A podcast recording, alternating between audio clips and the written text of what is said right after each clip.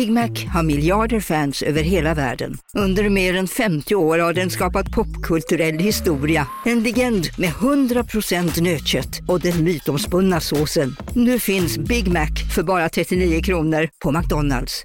Hej, Susanne Axel här. När du gör som jag och listar dig på en av Krys vårdcentraler får du en fast läkarkontakt som kan din sjukdomshistoria. Du får träffa erfarna specialister, tillgång till lättakuten och så kan du chatta med vårdpersonalen. Så gör ditt viktigaste val idag, listar dig hos Kry. Okej hörni, gänget! Vad är vårt motto? Nej, allt är inte alltid som du tror. Nu täcker vårt nät 99,3 procent av Sveriges befolkning baserat på röstteckning och folkbokföringsadress. Ta reda på mer på 3.se eller i din 3-butik.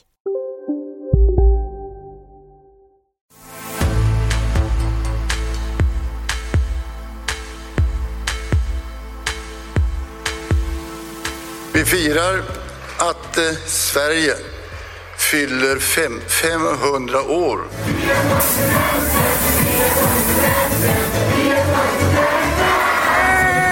Vad var din fråga? Varför ni har en svensk flagga? Men varför ska vi ha en svensk flagga för?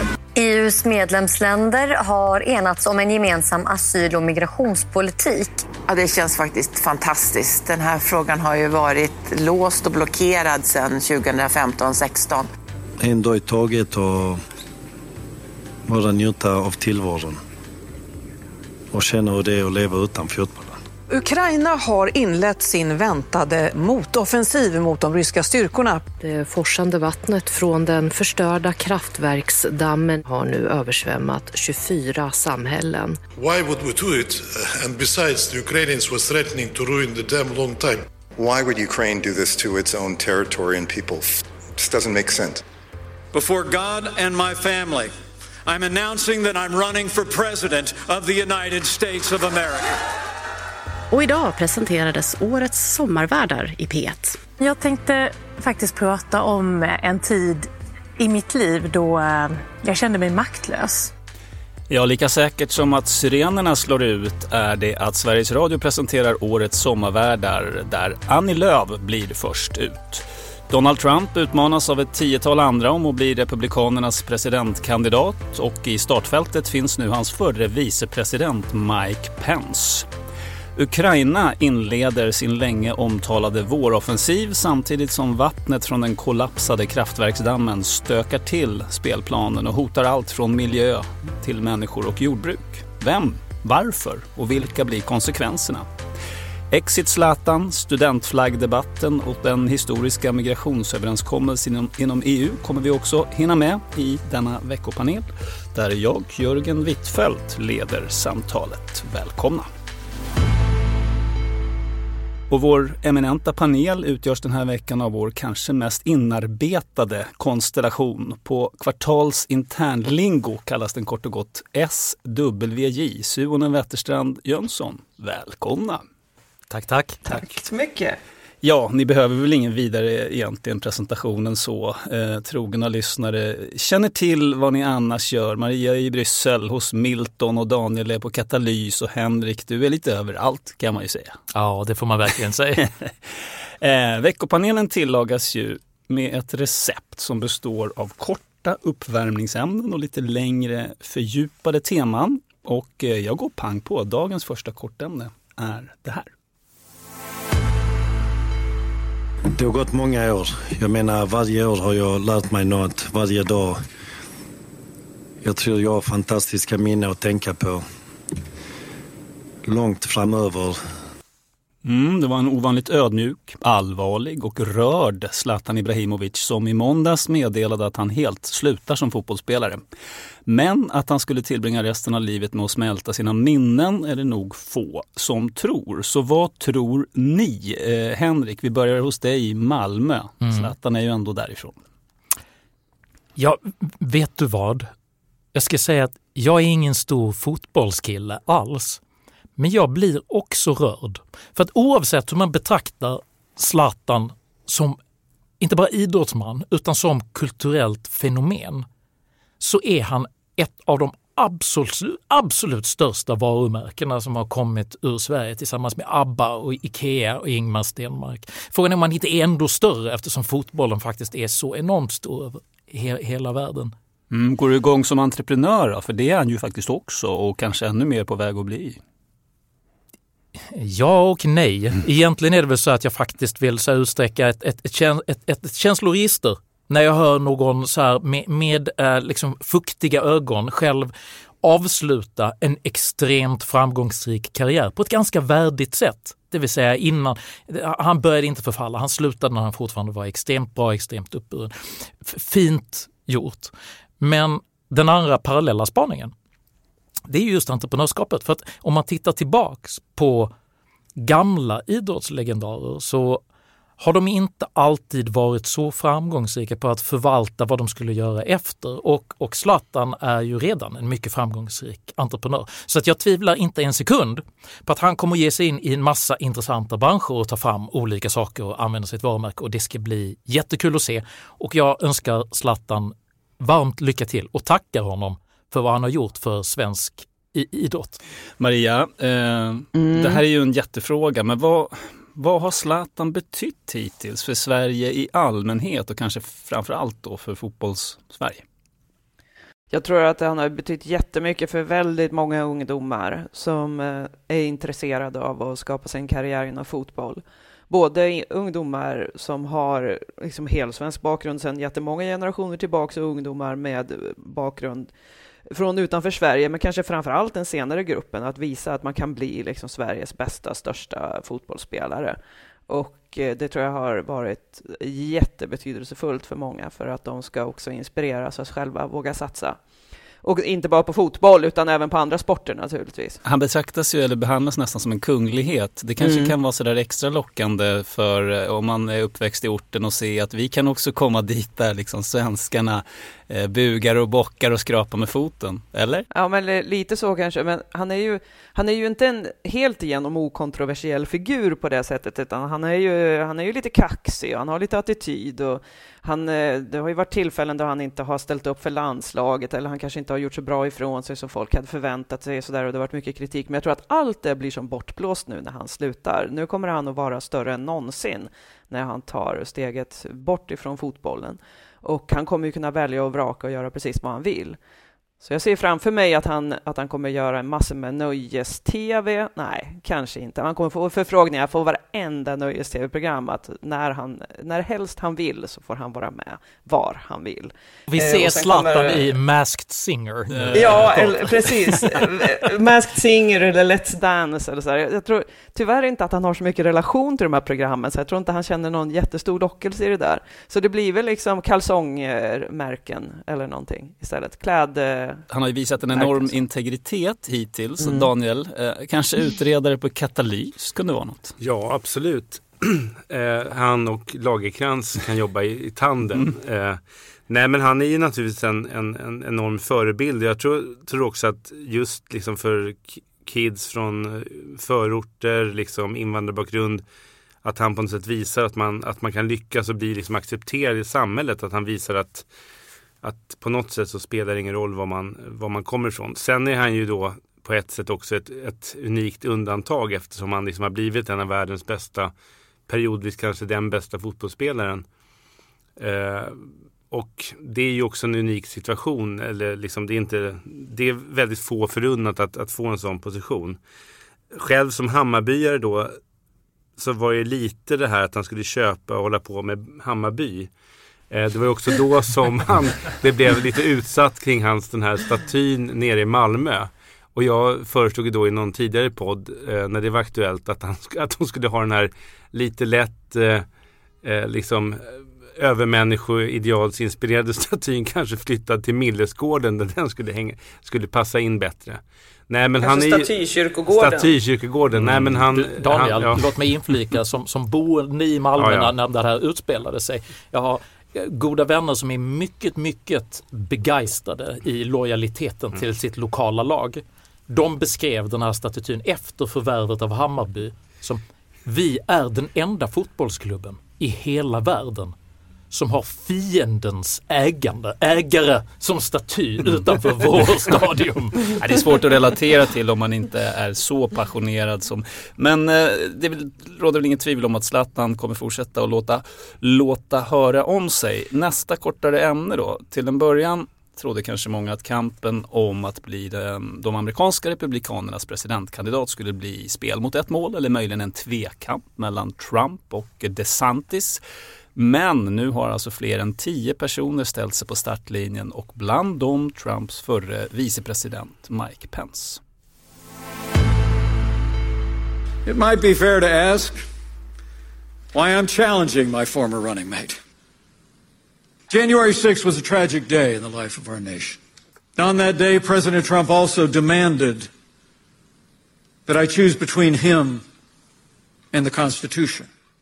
I chose the Constitution, and I always will. Ja, även om få tror att Pence kommer att bli sist kvar så rör det här om i grytan och eh, nu har det också blivit känt att Trump som första president kommer att ställas inför en federal åtalsjury för hur han har hanterat hemliga handlingar. Så vad, vad tror panelen? Kan han ändå bli partiets eh, kandidat, Trump? Ja, alltså jag tror ju att han eh, med största sannolikhet också blir det. Eh, om man inte väljer att avsäga sig detta eller hoppa av på något sätt. Och att väldigt mycket då i upplägget för det här valet i Republikanerna liknar ju då när han utsågs eh, 2016 när han mm. valdes, 20, alltså processen inför 2016 års val. Eh, och det man kan säga då är ju att då var det väl 17 kandidater, 17 presidentkandidater och han mm. var ju väldigt otippad. Eh, men vann ju då, fick ett momentum. Nu har han ju redan ett momentum. Han har ju runt 50 procent eller mer stöd i de här mätningarna.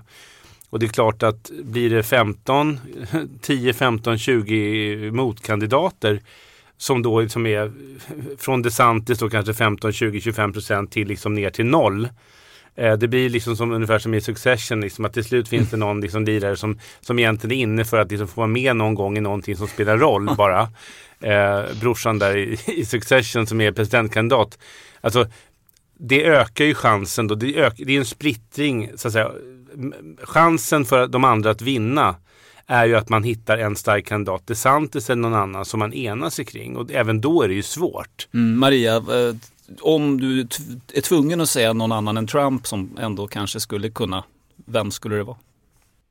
Ja, men det starkaste kortet är väl DeSantis eh, som det verkar, men ja, man ska ju ändå, så här, jag tror ju också att det är ganska stor sannolikhet att det blir Donald Trump, men det kan också hända saker som är helt oväntade.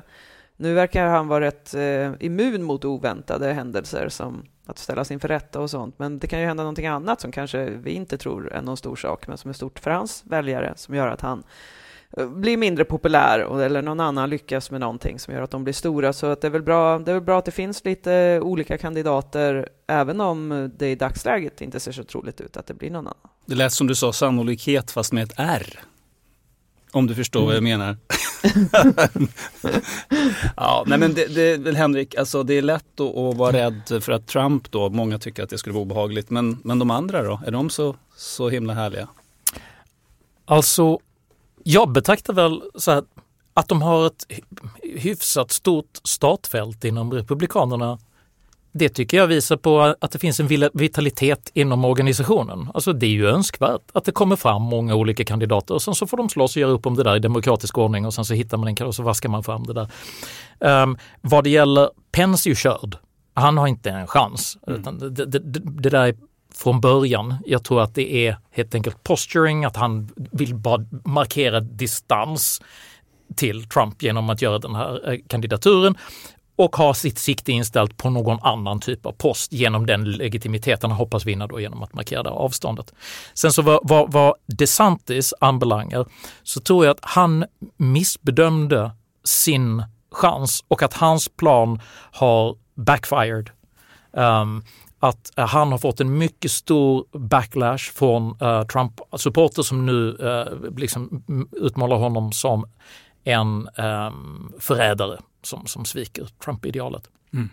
Och vad det gäller denna ständige Trump som alla eh, talar om så tror jag att oavsett vad man tycker om sakinnehållet, hans eventuella tölpighet och, och, och, och andra um, invändningar man kan ha mot hans stil, så tror jag att den här dramaturgin där gräsrötterna ser hur han hela tiden angrips av stora institutioner i, i, i, i samhället. Jag tror att folk uppfattar det här som att, att, att, att det gagnar honom. Att, att, att folk sluter upp med lojalitet i en slags underdog-dramaturgi där man säger att de stora krafterna ger sig på Trump därför att han utmanar den etablerade ordningen som vi alla underförstått är då lite missnöjda med. Mm. Jag kan hålla med om det till, lång, till långa vägar. Jag tycker att det som är det, liksom, olja och vatten här, så att säga, det som är det digitala här är ju att jag, menar, jag minns ju när George W Bush var president och jag som ung liksom, SSU-are tyckte att han var ju liksom satan ungefär, var Irakkriget och liksom, värre fanns ju inte liksom. Eh, idag ser man honom som en stor hedersman och hans gamla far, liksom CIA-gubbe, liksom Reagans vicepresident och sen president. Även han startade ett krig liksom nere i, i Gulfen. Eh, är också när han dog då nästan fick statsbegravning eller han fick det hedersman. Liksom. Det är en skillnad mellan att vara höger och klassisk republikan, alltså där man också värnar republiken. Och att vara någon sorts liksom populistisk charlatan som på något sätt utnyttjar republiken och är beredd att liksom egentligen överskrida demokratin. Och där tycker jag ju jag kan ju verkligen ha massa synpunkter på många av de här republikanerna, Chris Christie och Pence och så. Jag skulle inte hålla med dem om väldigt många saker förmodligen. Men jag tänker att de är inom demokratins, de är inom författningen. Där sänker man skatter, där bestämmer man olika myndigheters rådighet. Men man, liksom, man pajar inte staten. Man kanske startar lite krig. Man kanske startar krig. Oh. Man kanske avslutar krig. De här verkar ju mest inriktade på att avsluta krig och dra hem USA allihopa. Mm. Men man, man liksom förstör inte staten. Mm, okay, man, man, är inte en stor lögn. Liksom. Jag tycker det är otroligt viktigt. Mm. Maria, eh, det, det, är ju nästan ingen i det där startfältet är ju liksom liberal eller nyliberal utan det är bara liksom anti-woke och, och sådär. Ja. Hur har det blivit så? Ja. Nej, men det är ju så deprimerande. Jag tror att det är liksom den farligaste delen i det här är ju att det mycket av retoriken från alla, alla kanter där bygger på att man ska skapa konflikter och att man ska polarisera och att människor ska tvingas att välja den ena eller den andra sidan. Det finns liksom ingen som har attityden att nu ska vi eh, samla landet och lyssna på alla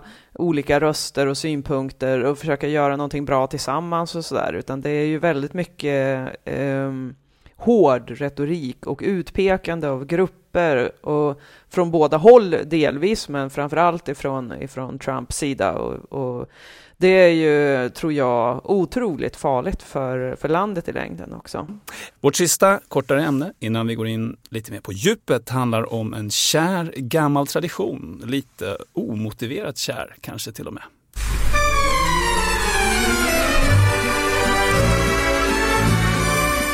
Ja, för det är ju dags igen. Igår torsdag presenterade Sveriges Radio listan över sommarpratare. Där finns den tidigare Centerledaren Annie Lööf som inleder på midsommardagen. Författaren Camilla Läckberg och ålfiskaren PM Nilsson för att nämna några. Så frågan blir då, vem saknade ni på listan? Henrik? Alltså det här blir ju direkt, alltså det är, det är ju som schlagerfestivalen på något sätt. Alltså, vann rätt låt, vilka är med på den här listan?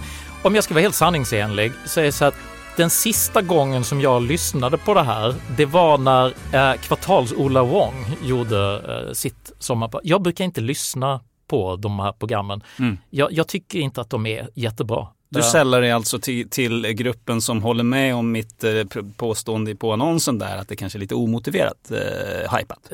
Ja, det är ett i min mening har det här, hela det formatet har överlevt sig själv. Varumärket är mycket, mycket större än innehållet som det, som det står för. Men det verkar ju lyssna jättemånga. Det verkar vara en miljon per program, säger de i alla fall. Ja, det, kan, det kanske det är. Jag har ingen aning om hur deras siffror är. Jag tycker bara att det lät det lite tråkigt. Ungefär som jag tycker Schlagerfestivalen är också lite tråkig. Jag tycker inte det är så bra musik helt enkelt. Men sen så, det är kul att det finns fenomen så, som, och, och det kan det väl få göra göra.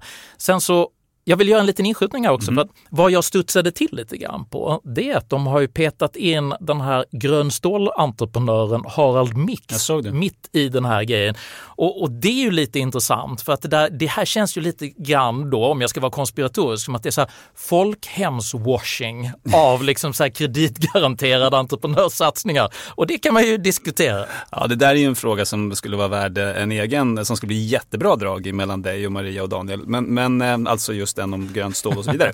Men eh, Daniel, eh, se, hur, har du samma relation till det här som Henrik eller är du mera lägerelds? Nej men jag, jag gillar ju liksom lägerelden. Sen tycker jag kanske att formatet är lite formpressat. Jag vet inte om det är att man själv lyssnar mycket mer på saker nu än man gjorde för 20 år sedan. Eh, att man var lite hungrigare på den typen av berättelser för 20-25 år sedan. Jag kommer ihåg att vi hade liksom, vi hyrde en stuga i skärgården varje sommar. Vi hade en transistorradio. Man kom upp liksom och skulle hänga upp sina badbrallor och så liksom lunchekot är klart och så går man på radadadada, och så liksom la man sig på sängen och sov. Eller så, jag hörde ofta, ofta på kvällen. De körde vid 22-tiden mm. sådär, 23. Efter kvällsekot? Ja, efter kvällsekot. Och, liksom, och då lyssnade man på det och somnade till det. På sätt. Och det, det tyckte jag om. När det blir det här poddandet man har i telefonen, man ska liksom, då blir det lätt att jag glömmer bort det och så går jag in efteråt och lyssnar på två, tre program. Bara de du verkligen vill? De jag verkligen vill. Och mm. En som jag tycker fortfarande är liksom sista tio årens bästa, det är Johan Kronemans sommarprogram mm. som jag tyckte var så här, det lyssnar jag ofta på. För att jag blir ofta liksom besviken på dem som sänds. Och så lyssnar jag på två gamla. Lena Anderssons när hon intervjuar Jesus och Blair och vad det är. Hon liksom har något liksom superprogram år 2001 eller något sånt där. Och sen Johan Kronemans för ja, tio år sedan. Mm. Det räcker för mig. Maria, du har ju faktiskt gjort det här eh, 2011 mm. va? Eh, mm. Många liksom vittnar ju om en väldig hype kring det där och att man blir så himla nervös. Nu var ju du i och för sig då liksom ganska van vid att tala till människor. Men eh, ja, vad, är det någon speciellt? Det var, ja, det tyckte jag ändå. Det var lite press att eh, fylla ett helt program med eh, låtar. Ja, var det och, den värsta eh, pressen? innehåll. Du gillar det när, när det gäller Hon har ju bara ett boyband liksom. Och, det... Ju, ja, och det var bara Då, BTS. Men, på den tiden var jag ju inte ett fan av, av K-pop eh, ännu. Så att, eh, och jag hade också så här, jag hade den här ångesten att jag hade inte heller lyssnat så jättemycket på musik under de senaste åren. Jag vet inte om det var för att jag hade fått barn och så där. Så att jag bad ju då eh, Johan Norberg, som är en person med mycket bra musiksmak, att hjälpa mig med tips på vad jag skulle kunna spela för låtar. Eh, och eh, en del var ju sådana som jag kände till och som jag valde själv och så var det några som jag, som jag gjorde, tog med på tips av honom. Och jag fick så bra kritik för min musiksmak sen efteråt, så det var ju uppenbart ett genidrag från min sida att göra detta.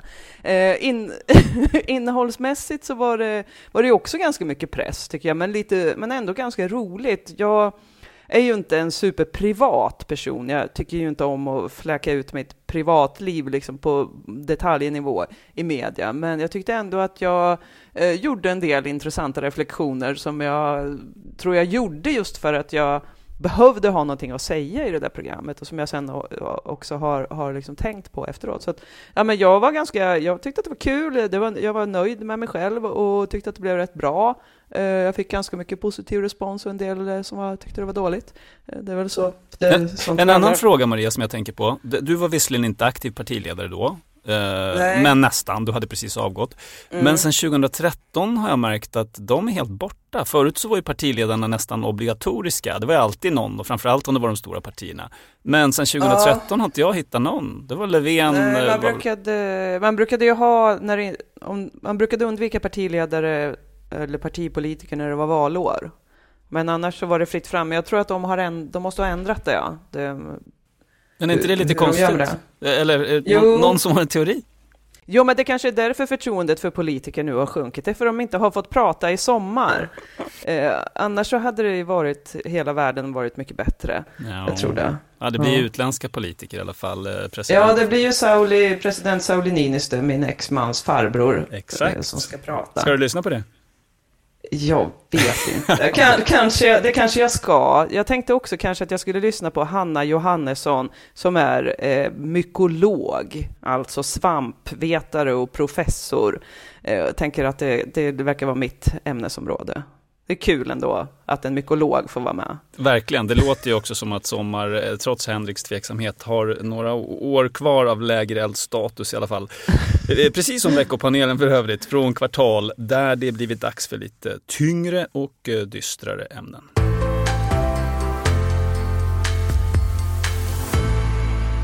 Det ska handla om Ukraina nu, där det spekulerats ju i månader om den så kallade våroffensiven. Nu är den igång av allt att döma och det rapporteras också att de ukrainska styrkorna har haft vissa framgångar så här inledningsvis. Eh, vad säger du Henrik, kan det här leda världen närmare någon slags avslut eller paus eller vart är vi på väg så att säga?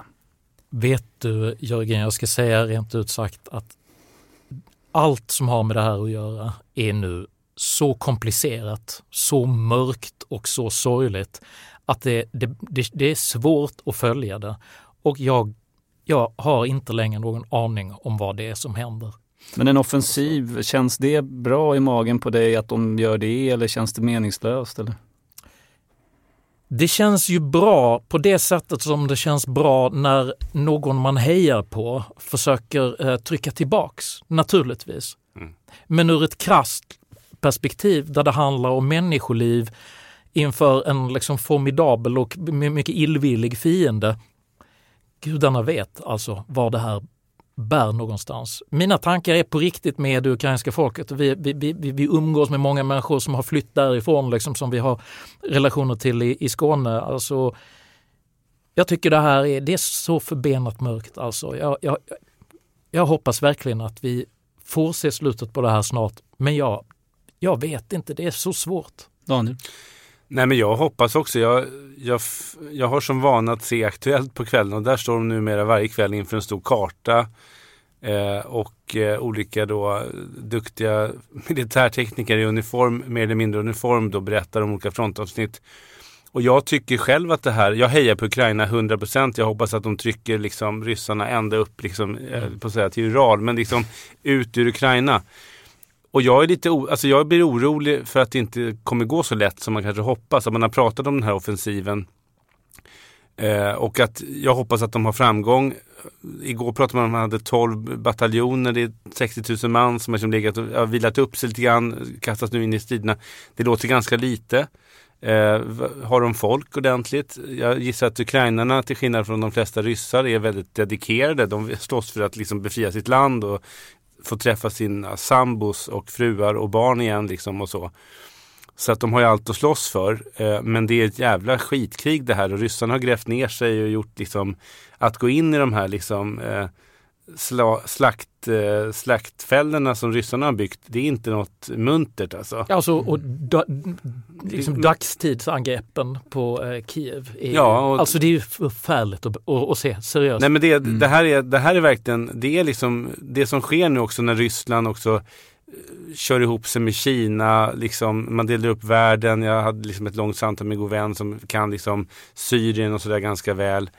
Och liksom det, det är liksom mörka moln. Liksom det är någon sorts liksom två, två delar av världen som liksom delar upp sig nu inför något sorts väldigt, tror jag, långvarigt. Liksom. Kina brukar inte försvinna i första taget. De har hållit på rätt länge och, och kommer vandra länge. Och ryssarna är sega och det finns det här i, i den, alltså den Putins liksom logik är ju någonstans att ett människoliv eller 10 000 människoliv eller 100 000 människoliv eller en halv miljon människor spelar liksom så vitt jag förstår ingen som helst roll. Utan man kan kasta in liksom ett helt Göteborg i den där köttkvarnen. Mm. För att flytta en gräns två meter liksom. Och det gör ju på något sätt, det som händer, det här stämningsläget som, som Henrik är inne på. Det är liksom det jag känner också att vad fan har de för gränser? Vi kommer väl in på den här dammen snart. Mm. Liksom, det finns inga gränser. Kärnvapen, där finns det liksom utfästelser från USA som gör att dit är det nog ett tag innan de, mm. innan de trycker på den knappen. Maria. Men inget annat är de hindrade att göra. Eh, Sverige har ju stolta traditioner, eh, liksom många andra små länder, av diplomati. Eh, men diplomatin överhuvudtaget känns ju, det är väldigt mycket snack just som Daniel var inne på med folk i militäruniform, frontavsnitt och olika vapentyper och sådär och det kanske behövs. Men diplomatin är ju he, den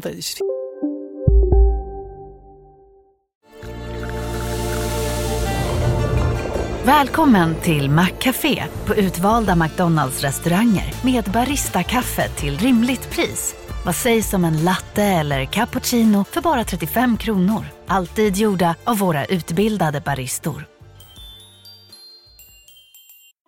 Hej Sverige! Apoteket finns här för dig och alla du tycker om. Nu hittar du extra bra pris på massor av produkter hos oss. Allt för att du ska må bra. Välkommen till oss på Apoteket. Som medlem hos Circle K är livet längs vägen extra bra. Just nu får du som ansluter dig 50 öre rabatt per liter på de tre första tankningarna och halva priset på en valfri biltvätt. Och ju mer du tankar, desto bättre rabatter får du. Välkommen till Circle K. Helt frånvarande. Ja, och det har den ju varit hela tiden egentligen. Det har ju varit ända sedan Ryssland invaderade Ukraina så har det ju varit en väldigt stark uppslutning kring att eh, Ukraina ska få det stöd de behöver både mänskligt och militärt och humanitärt. Eh, och det gäller ju hela Europeiska unionen egentligen att det har funnits en ganska stark eh, samsyn på detta med vissa mindre undantag. Och det där är ju en ganska, om man tittar i ett, ehm, i ett lite historiskt perspektiv, ganska intressant. Både det här med hur Sverige snabbt förändrade synen på NATO, men också hur vi har förändrat synen på vapenexport, där vi ju egentligen har ett förbud mot att exportera vapen till länder som befinner sig i krig, och konflikter, som ju bara fullständigt har ignorerats. Och eh, inte ens, det ifrågasätts inte ens. Eh, Jag ifrågasätter inte ens att man har liksom helt frångått de principerna. Varför gör du inte det då? Eh, I och med att Ja, nej, men därför att, därför att det är ju en sån uppenbart eh, brott som Ryssland har begått med, med, i och med den här invasionen. Det är väldigt svårt att se det på något annat sätt. Och det känns också som att det är väldigt svårt att se att det skulle finnas en jättestor möjlighet till diplomati från våran sida här i Europa i alla fall. Det är möjligt att Kina skulle kunna vara i en position att de skulle kunna utöva någon form av, av diplomati i det här läget. Men vi är inte i den positionen. Särskilt inte efter, när vi har ansökt om medlemskap i NATO. Så. Hade det varit en annan konflikt någon annanstans, vi inte hade varit medlemmar i militärallians, ja, vi kanske hade haft människor som hade kunnat bidra. Finland hade haft, har ännu faktiskt mer erfarna, duktiga diplomater än vad Sverige har, tror jag, i just den här typen av konfliktsituationer. Men när det gäller just Ryssland och Ukraina så blir det ju ändå uppenbart att vi behöver ta ställning och då har vi tagit ställning och då har vi också frånsagt oss våran roll som potentiella diplomater. Intressant Maria, du touchar på någonting som är väldigt intressant. För vi har, vi har tagit ställning, frånsagt oss rollen som diplomater, men vi är ju samtidigt inte stridande. Vi dras, alltså nu vi som i västvärlden, dras ju steg för steg in i det här. Mm. Var går den, Henrik? Var går den röda linjen? Alltså, för nu är det ju liksom stridsflygplan och leopardstridsvagnar och Storm Shadow och gud vet allt.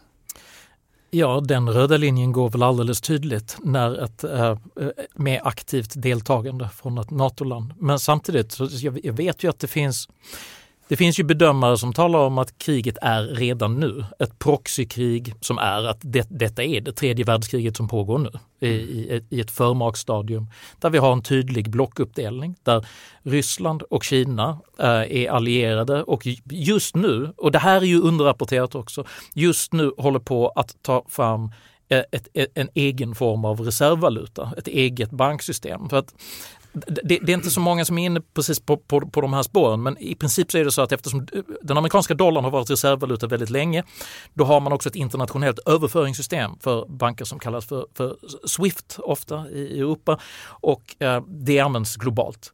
Nu håller Ryssland och Kina på att ta fram ett eget sånt här Kina är system. väl förstås rädda att i en framtid när de försöker ta tillbaka Taiwan blir de också uteslutna av Swift. Så då vill de ha något eget. Ja, ja, ja, ja, ja det, det är klart. Men jag menar det, det som händer om, om den västerländska så säga, makthegemonin förlorar kontrollen över det som är världens reservvaluta, då har vi, då är världen, det är, en ny världsordning som händer där. Och allt det här håller på att koka nu. Så att jag ber väl till min lyckliga stjärna att vi kan hålla kärnvapnen utanför det här. För att min största rädsla, min, alltså på allvarligt skräck, det är att en tillräckligt trängd, tillräckligt eh, alienerad Putin kommer att bruka kärnvapen uh, urskillningslöst som en strongman tak Oavsett taktik. konsekvenserna. Ja. Jag tänkte vi skulle just gå till det här som Daniel var inne på. Några dagar innan den här våroffensiven annonserades så skedde den stora dammkollapsen i södra Ukraina. Natten till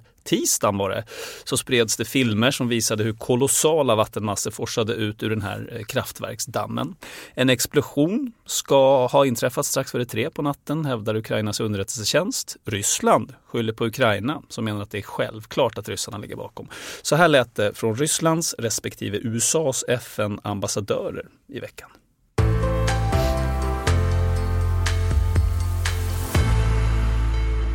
saying that uh, that Russia did it. Why would we do it? Uh, and besides, the Ukrainians were threatening to ruin the dam long time.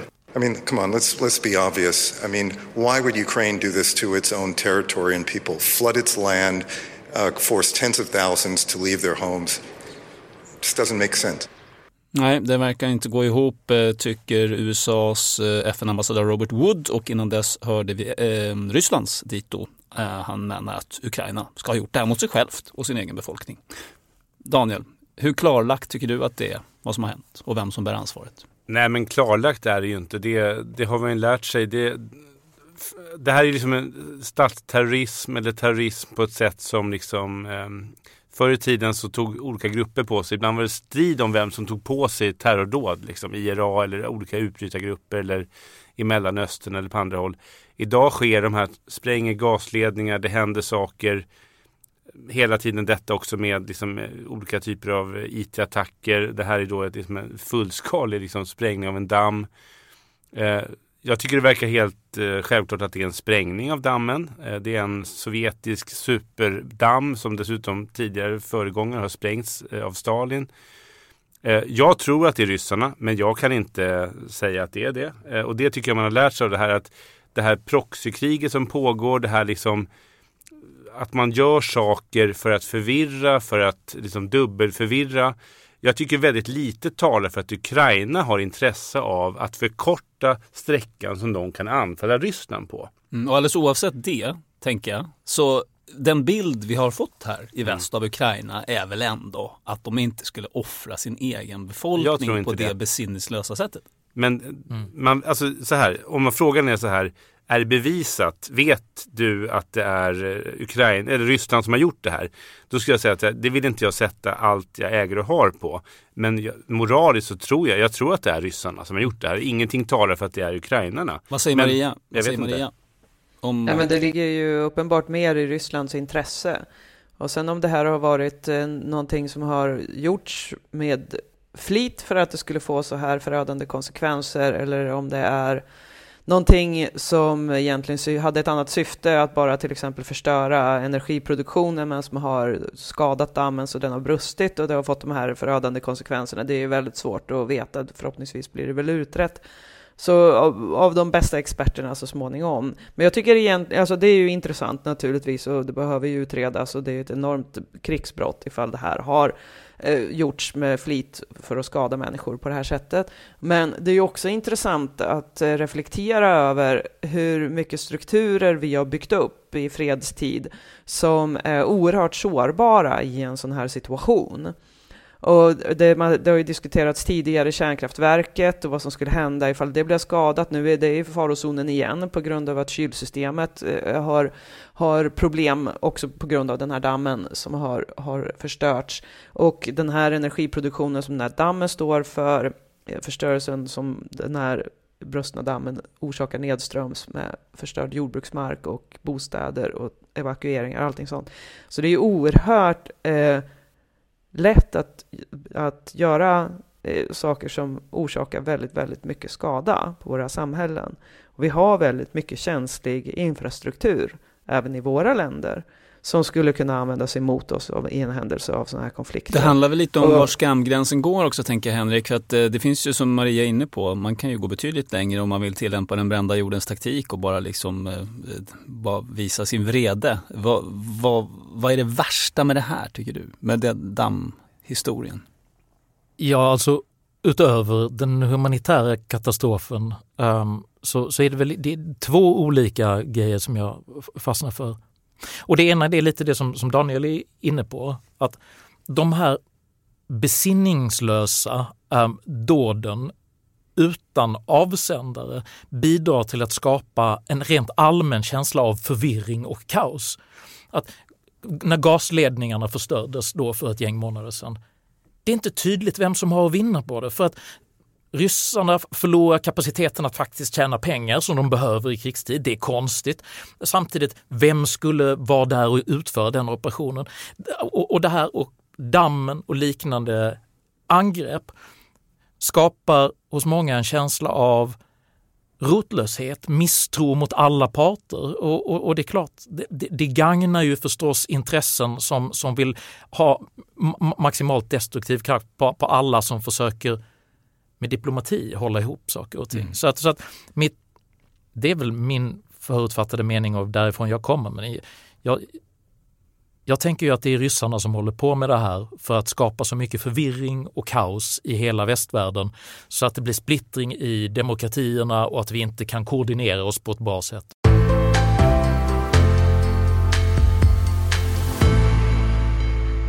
Det här är veckopanelen från Kvartal och du lyssnar just nu på den version av podden som är öppen också för dig som inte prenumererar.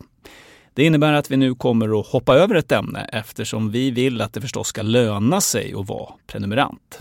Och den här gången hoppar vi över en diskussion om studenter som viftar med utländska flaggor istället för svenska för att fira sin examen. Vad är det där ett uttryck för? Och är det fånigt att bli lite sårad som svensk-svensk över en sån sak? Om du just nu känner att du framöver vill kunna höra hela veckopanelen och hela fredagsintervjun, gå in på kvartal.se prenumerera och teckna dig för en kvartalprenumeration. Och jag törs nästan lova att du inte kommer att ångra dig. Och en sak till, som prenumerant lyssnar du också helt utan reklam. Vi lämnar då Sverige och går ut i eh, Europa. För igår torsdag träffades en överenskommelse som beskrivs som historisk faktiskt såväl av EU-kommissionär Ylva Johansson som migrationsminister Maria Malmer Stenegard. Ja, det känns faktiskt fantastiskt. Det var ju, har varit ett av mina huvuduppdrag som i min kommissionärsroll att lösa upp det här och se till att medlemsländerna börjar samarbeta och kompromissa och jobba ihop kring migrationsfrågan. Och jag uppnådde det igår så det är klart att det känns eh, jättestort. Det var stor lättnad eh, och eh, stor glädje naturligtvis. Jag trodde kanske inte riktigt att jag skulle få vara med om den här dagen. Men det här är viktigt på riktigt för både Europa och för Sverige för att vi ska få en, en, en hållbar invandring. Sist hörde vi alltså den moderata migrationsministern Maria Malmer Stenegard som ledde förhandlingarna och dessförinnan Ylva Johansson, EU-kommissionären som har den här frågan på sitt bord då för kommissionens räkning. Eh, Maria, trots sina skilda politiska bakgrunder är de här två damerna rörande överens. Detta är historiskt. Eh, är det det? Alltså det har, de har väl alltid varit överens i just den här typen av frågor. Kanske det, jag vet inte. Ja, det är i alla fall min uppfattning. Jag är inte så förvånad över det, att de tycker att det här är bra. Mm. Um, vad tycker du? Ja, nej, jag tycker ju inte det. Men vad, vad, alltså med tanke på hur det ser ut i Europa så att säga. EU har ju, liksom måste ju jämka samman olika viljor ja, och sådär. Nej, är men det, det är såklart. På det sättet är det ju historiskt. Det är ju alldeles riktigt. Uh, och det har ju varit uh, eftersträvansvärt under lång tid att man överhuvudtaget ska kunna närma sig någon form av överenskommelse som rör de här svåra frågorna om migration och invandring. Så att eh, på det sättet så, så, är det ju någon slags eh, resultat åtminstone av de diskussionerna. Men eh, det är ett deprimerande resultat därför att eh, det handlar ju väldigt mycket om att man ska bygga det här forte Europa som vi varnade för vid EU-medlemskapet som jag hoppades aldrig riktigt skulle bli på det viset. Nej, du var men ju det, nej då ja. Eh, jag var ju nej, men jag var ju också den som led, ledde Miljöpartiet till en annan position en gång i tiden.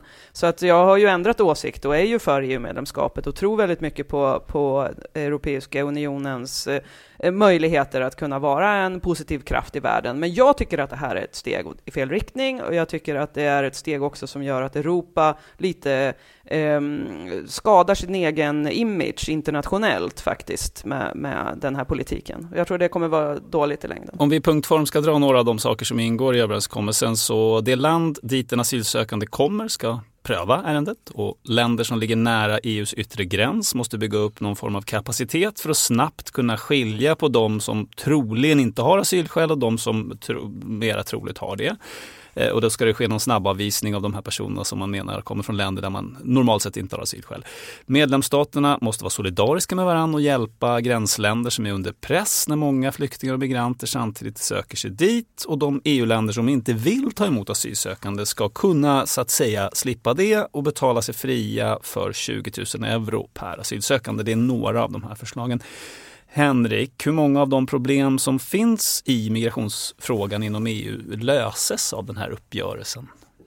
Ja, alltså rent realpolitiskt um, så blir det här ju en form av ekonomistisk lösning på en del av problemen. Jag skulle vilja backtracka lite grann och säga att redan på 1970-talet så etablerade ju um, ek ekonomen Milton Friedman liksom axiomatiskt att man måste som en modern stat välja mellan att antingen ha en stor och frikostig välfärdsstat eller att ha öppna gränser. De två sakerna är nästan omöjliga att förena. På grund av att länder är olika rika så kommer det att finnas så starka pullfaktorer som kommer att dra folk till ställen där det finns ett ekonomiskt incitament för att ta sig dit för att man lever i armod. Det är fullt rat ekonomiskt rationellt. Och då hamnar man ju i situationen där där jag uppfattar att den svenska nyliberalismen gjorde bort sig för att man ignorerade detta faktum i samband med den stora migrationsvågen och tänkte att vi ska ha typ både och. Vi, vi, vi låter folk komma hit och sen så talar vi inte riktigt om eh, den stora medelklassen som nog är mer på Daniels sida här som vill ha en mycket stor välfärdsstat och alla de här systemen och höga trösklar in på arbetsmarknaden. Han nickar och ser nöjd ja. ut. Och, och, och de här två storheterna kolliderar med varandra. Eh, alla människorna som kommit hit kommer inte in på arbetsmarknaden. Det blir jätterörigt och nu har vi en massa friktion i samhället på, på en massa nivåer som är jättetråkiga. Och, och det här ser vi liksom i hela västvärlden nu.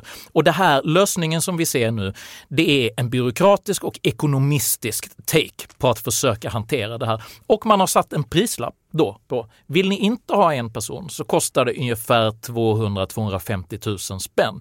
Och om man går tillbaka till ekonomen då, eh, Joakim Röists eh, uträkning på det här, han beräknar ju att en person som kommer till Sverige som står långt från arbetsmarknaden kostar under sin livstid ungefär 70 000 kronor om året hela, hela vägen igenom. För skatt, eller det gemensamma då? Ja, det totala, allt från tandläkare till skola och liksom barnsystem, sjukvårdssystem. Det, det, blir en nettokostnad. och vad vill du, hur vill du koppla ihop de här två? Ja, att det är ekonomiskt rationellt då att, till, att betala Aha. för att slippa. Fyra år så har mm. du betalat, uh, den, så har det betalat sig. Men det är givet att den som söker asyl eller vill komma hit inte kan komma i jobb och bidra förstås. Då. Det ja. är liksom ändå inte självklart att det är rationellt. Ja, ja, alltså, jag, man tittar på, jag vill ju göra en sista inskjutning här ja. egentligen och det är att jag hade ju egentligen önskat att man istället hade haft ett samtal rörande hur man skapar korrekta drivkrafter för mm. hur mänskliga eh, liksom, flöden rör sig. Mm. Istället för att vi nu nästan uteslutande har en diskussion som handlar om hur stoppar vi människor från att komma in. Replik Maria och sen Daniel.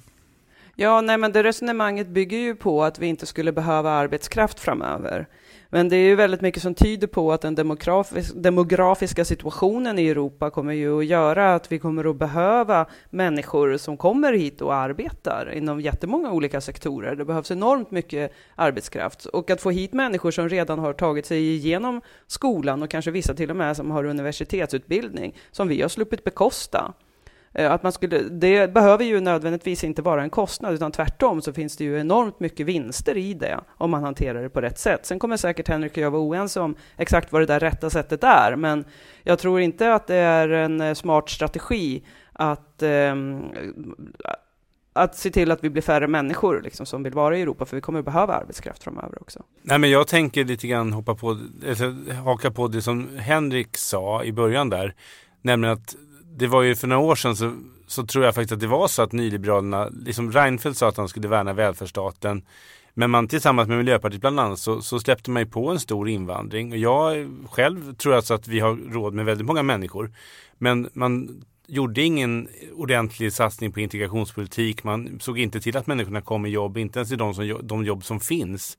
Så att man har en situation som är på riktigt liksom där där eh, människor är liksom tyvärr då inte tillräckligt sysselsatta. Sen är det ju väldigt positivt. Det, det är ju fler och fler eh, som har kommit till Sverige som är sysselsatta. Så det, det går åt rätt håll. Men det har ju under lång tid varit väldigt dåligt med det. Eh, de sista 20-30 åren. Så att där har ju funnits väldigt mycket att göra och det har ju fött ett, ett, stort, ett stort motstånd som jag tror, liksom där, jag tror Maria har rätt, nämligen att, att man helt enkelt, vi kommer stå de kommande decennierna inför ett arbetskraftsbehov. Alltså den här åldrande befolkningen, vi behöver folk i välfärden och det, det stora reptricket kommer ju vara att se till att människor kan ta de här jobben. Att vi har människor och att de människorna som är här eller kommer hit helt enkelt kan matchas in, utbildas till de här jobben. Och där tror jag att liksom det EU håller på med nu, de här två lättade svenska politikerna på olika nivåer som pratade i inslaget, statsrådet och kommissionären, de, liksom, ett sånt här paket, det är i stort sett omöjligt att få det liksom att lösa alla problem. Väldigt många problem, grundproblemen kvarstår. Länderna vill inte av politiska skäl ha invandring. Länderna behöver invandring vi har en väldigt orättvis värld. Det är vidrigt. Alltså, jag förstår verkligen människor. Man ser de här fruktansvärda bilderna när båtar som kantrar eller nästan har kantrat eller de som då kommer över. Jag förstår varenda en av dem. Att de liksom sitta liksom i ett liv där man vet att tar jag mig liksom 400 mil norrut så, så får jag ett helt annat liv. Även om jag är allra längst ner mm. i samhället. så kan jag och mina barn få det mycket, mycket, mycket, mycket bättre. Tusen gånger bättre. Det räcker med att läsa Utvandrarna för att få Utvandrarna, lite förståelse. Vi har själva gjort det. Min pappa kom hit på 60-talet. Mm. Alltså, jag tror att liksom en av de saker man borde göra är ju inte att bygga murar utan att se till att på det sätt man kan gynna handel, alltså utveckling, entreprenörskap. De här människorna är inte det här är ju väldigt, det här är ju, det här är ju Karl Oskar-människor. Mm, Henrik? Ja, jag minns att vi, vi var ju ett gäng som var ganska impopulära entreprenörer när vi satt, liksom, när, när, när flyktingvågen pikade. Jag konstaterade att det, personligen så menade jag redan då att det här är liksom, när folk talade då om kompetensregnet som kommer till Sverige jag tror att man då tar väldigt mycket för givet eh, och att det framstår som en, en mycket stor överrekrytering. För att det, det, är ju också uppenbart om man ska vara krass att nu har vi en stor grupp människor som står väldigt, väldigt långt ifrån arbetsmarknaden och där, där startsträckan för att komma in och bli tillräckligt produktiv för att man ska kunna leva upp till de svenska anställningskraven och faktiskt vara en effektiv bidragande part på arbetsmarknaden är mycket höga. Så att jag menar, en, en liksom företagsmässig motsvarighet, Jörgen, det är som att om du och jag hade ett företag tillsammans och vi visste att varje anställd som vi har i vårt bolag drar in en miljon kronor och sen så kommer jag in till jobbet en onsdag och säger att du Henrik, vi, ska, vi kommer bli miljonärer. Va? Vad har du gjort? Jag har anställt tusen pers. Okej, okay, det där kallas överrekrytering för vi har inte overheaden på att få alla de här människorna att bli produktiva. Mm. Så att hur man än vrider och vänder det här och man kan ha hur mycket humanitära behjärtansvärda attityder som helst i det här så är det så i botten så handlar det här också om ekonomi. Om man tar på sig en större overhead än vad, vad nationen egentligen klarar av så kommer det uppstå brister och det kommer knaka i fogarna på andra ställen i samhällsbygget. Och det gör det nu och det skapar missnöje som är mycket, mycket tråkigt att se och jag tror det flyttar hela samhällsdebatten till en tråkig punkt som jag inte hade önskat att den skulle vara på. Den hade inte behövt. Nu har vi hört lite olika eh, argument i den här frågan. Alltid lika spännande att lyssna på er. Eh, därmed har vi kommit till er fria åkning. Ni vet, utse veckans person, veckans ord eller mm. veckans mm. citat. Vem börjar? Får jag? Ja, om du vill. Jag tänkte försöka mig på att faktiskt knyta ihop säcken på ett ah. okaraktäristiskt vis här. För att vi har ju talat mycket, vi har talat om, om både den oron i den stora världen. Vi har talat om den svenska flaggan och sommarpratet och vad som egentligen är svensk och vår identitetskris inför migrationen och alla de här sakerna. Och vet ni vem jag tror kan tjäna som en neutral enande figur här? Jag tror att det är Zlatan. Ah. Zlatan kan få oss alla att sluta upp och känna oss både som svenskar och som idrottsmän och även som eh, aspirerande liksom potentiella framgångar själva, både som idrottsmän och som entreprenörer. Både trots att man kommer någon annanstans ifrån. Finns det inte, finns det inte en sektknytande berättelse här? Definitivt. Veckans person, Zlatan Ibrahimovic, eh, men inte av det skälet att han slutar spela fotboll utan att han kan bli en eh, samlande Hans figur. symbol, han är större än kungen, han, knyter ihop oss. Daniel? Nej, men jag tycker att eh, Ilja Battlan är liksom min veckans person. Han hänger kvar i mig. Han avgick ju för någon vecka sedan här, men hela det här liksom SBB, liksom med alla de här kommunalråden nu som liksom efter världens kranka blekhet så liksom inser de att det var fel att sälja sitt kommunhus, sälja sin morsa, sälja allting till Debattland. Och liksom det här klassiska, om någon kommer med ett erbjudande, lite som Henrik Jönsson gör hela tiden, som låter för bra för att vara sant. Då är det ofta det. alltså. Och liksom att på något sätt så här, om man, det här kommer en gammal, en slipad politiker, liksom bjuder på konjak på kommunhuset, i, på Stadshuskällaren och liksom säger så här, jag ska liksom ge er kommun, ni ska spara jättemycket pengar. Och sen kan ni köpa aktier och där ska ni bli jätterika och det ska vara otrolig utdelning. Men det enda vi behöver för den här otroliga utdelningen är att ni chippar in ännu mer i en nyemission. Så att det är ständiga nyemissioner, ständiga liksom expansioner. Det är liksom ett, det är ett riktigt jävla pyramidspel han har byggt upp. Och så började liksom Stefan Ingves innan han ska avgå återföra räntan till någon sån här 2 liksom. Och då kraschar alltihopa. Mm. Och det som är lite obehagligt här, det är kanske ämne för en annan, det, där, det är att om vi kommer, vilket jag verkligen inte hoppas, få en sån här obehaglig 90-talskrasch igen i Sverige. Då är det exakt så här den ser ut. Den ser ut som en kille med stora lån. Min farsa brukar säga så här, han, han är väldigt lyckad. Han började med två tomma händer och nu har han 20 miljarder i skulder. Det är liksom i debatten. Alltså, han ser ut som en ostruken kostym på SBBs huvudkontor medan man funderar på hur man ska skinna sina aktieägare en gång till. Nu är inte Ilja Batshan här, säger jag som gammal public service medarbetare, men han är veckans person för dig Daniel. Han är alltså avgången VD från SBB Samhällsbyggnadsbolaget, fastighetsbolaget alltså. Eh, Maria, vad har du att bjuda på? Osökt så kommer jag ju att ta upp K-pop, min favoritgenre här, eftersom det ju denna vecka är tioårsjubileum för världens största band, BTS, som då har hållit på i tio år och eh, tagit över världen till slut med deras koreanska pop och rap. Och eh, ni som inte ännu har lyssnat på BTS, tar chansen att göra det nu när det är tioårsjubileum. Ge oss någon låt som vi bör lyssna på som du tycker, då- gillar ni inte det här då fattar ni ingenting. Mm, min favoritlåt är ju Mic Drop.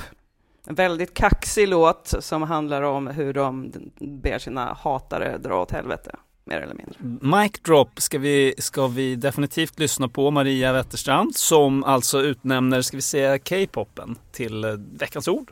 Kanske? Mm. Ja. BTS. Vi måste köpa loss licensen bara så fejda in den här Ja, slutet av avsnittet.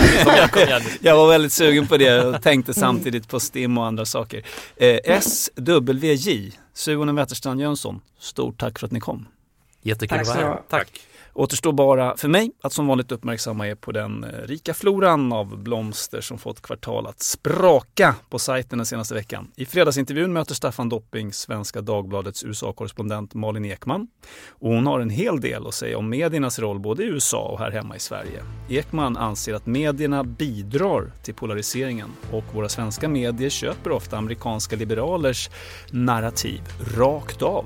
I fredagsintervjun berättar hon också om sina drivkrafter och talar om den plikt hon anser att man har som journalist.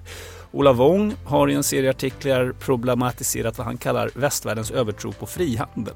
Det kinesiska exemplet har tvingat oss att se över frågan igen, menar han. Kanske är det dags för industripolitikens återkomst, spår Ola. Hans text med rubriken “Doktrinen om frihandel funkar inte” är den första i serien.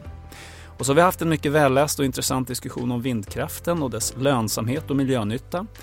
På den ena sidan bland andra professor Christian Sandström som med texten Vindkraft, grön bubbla eller svart hål startade debatten och på den andra sidan finns bland andra den förre EU-parlamentarikern och vindkraftvännen Anders Wickman. Läs, ta källkritisk del av argumenten, kontrollera själva med källor ni litar på om ni hinner och framförallt, tänk själv. Trevlig helg.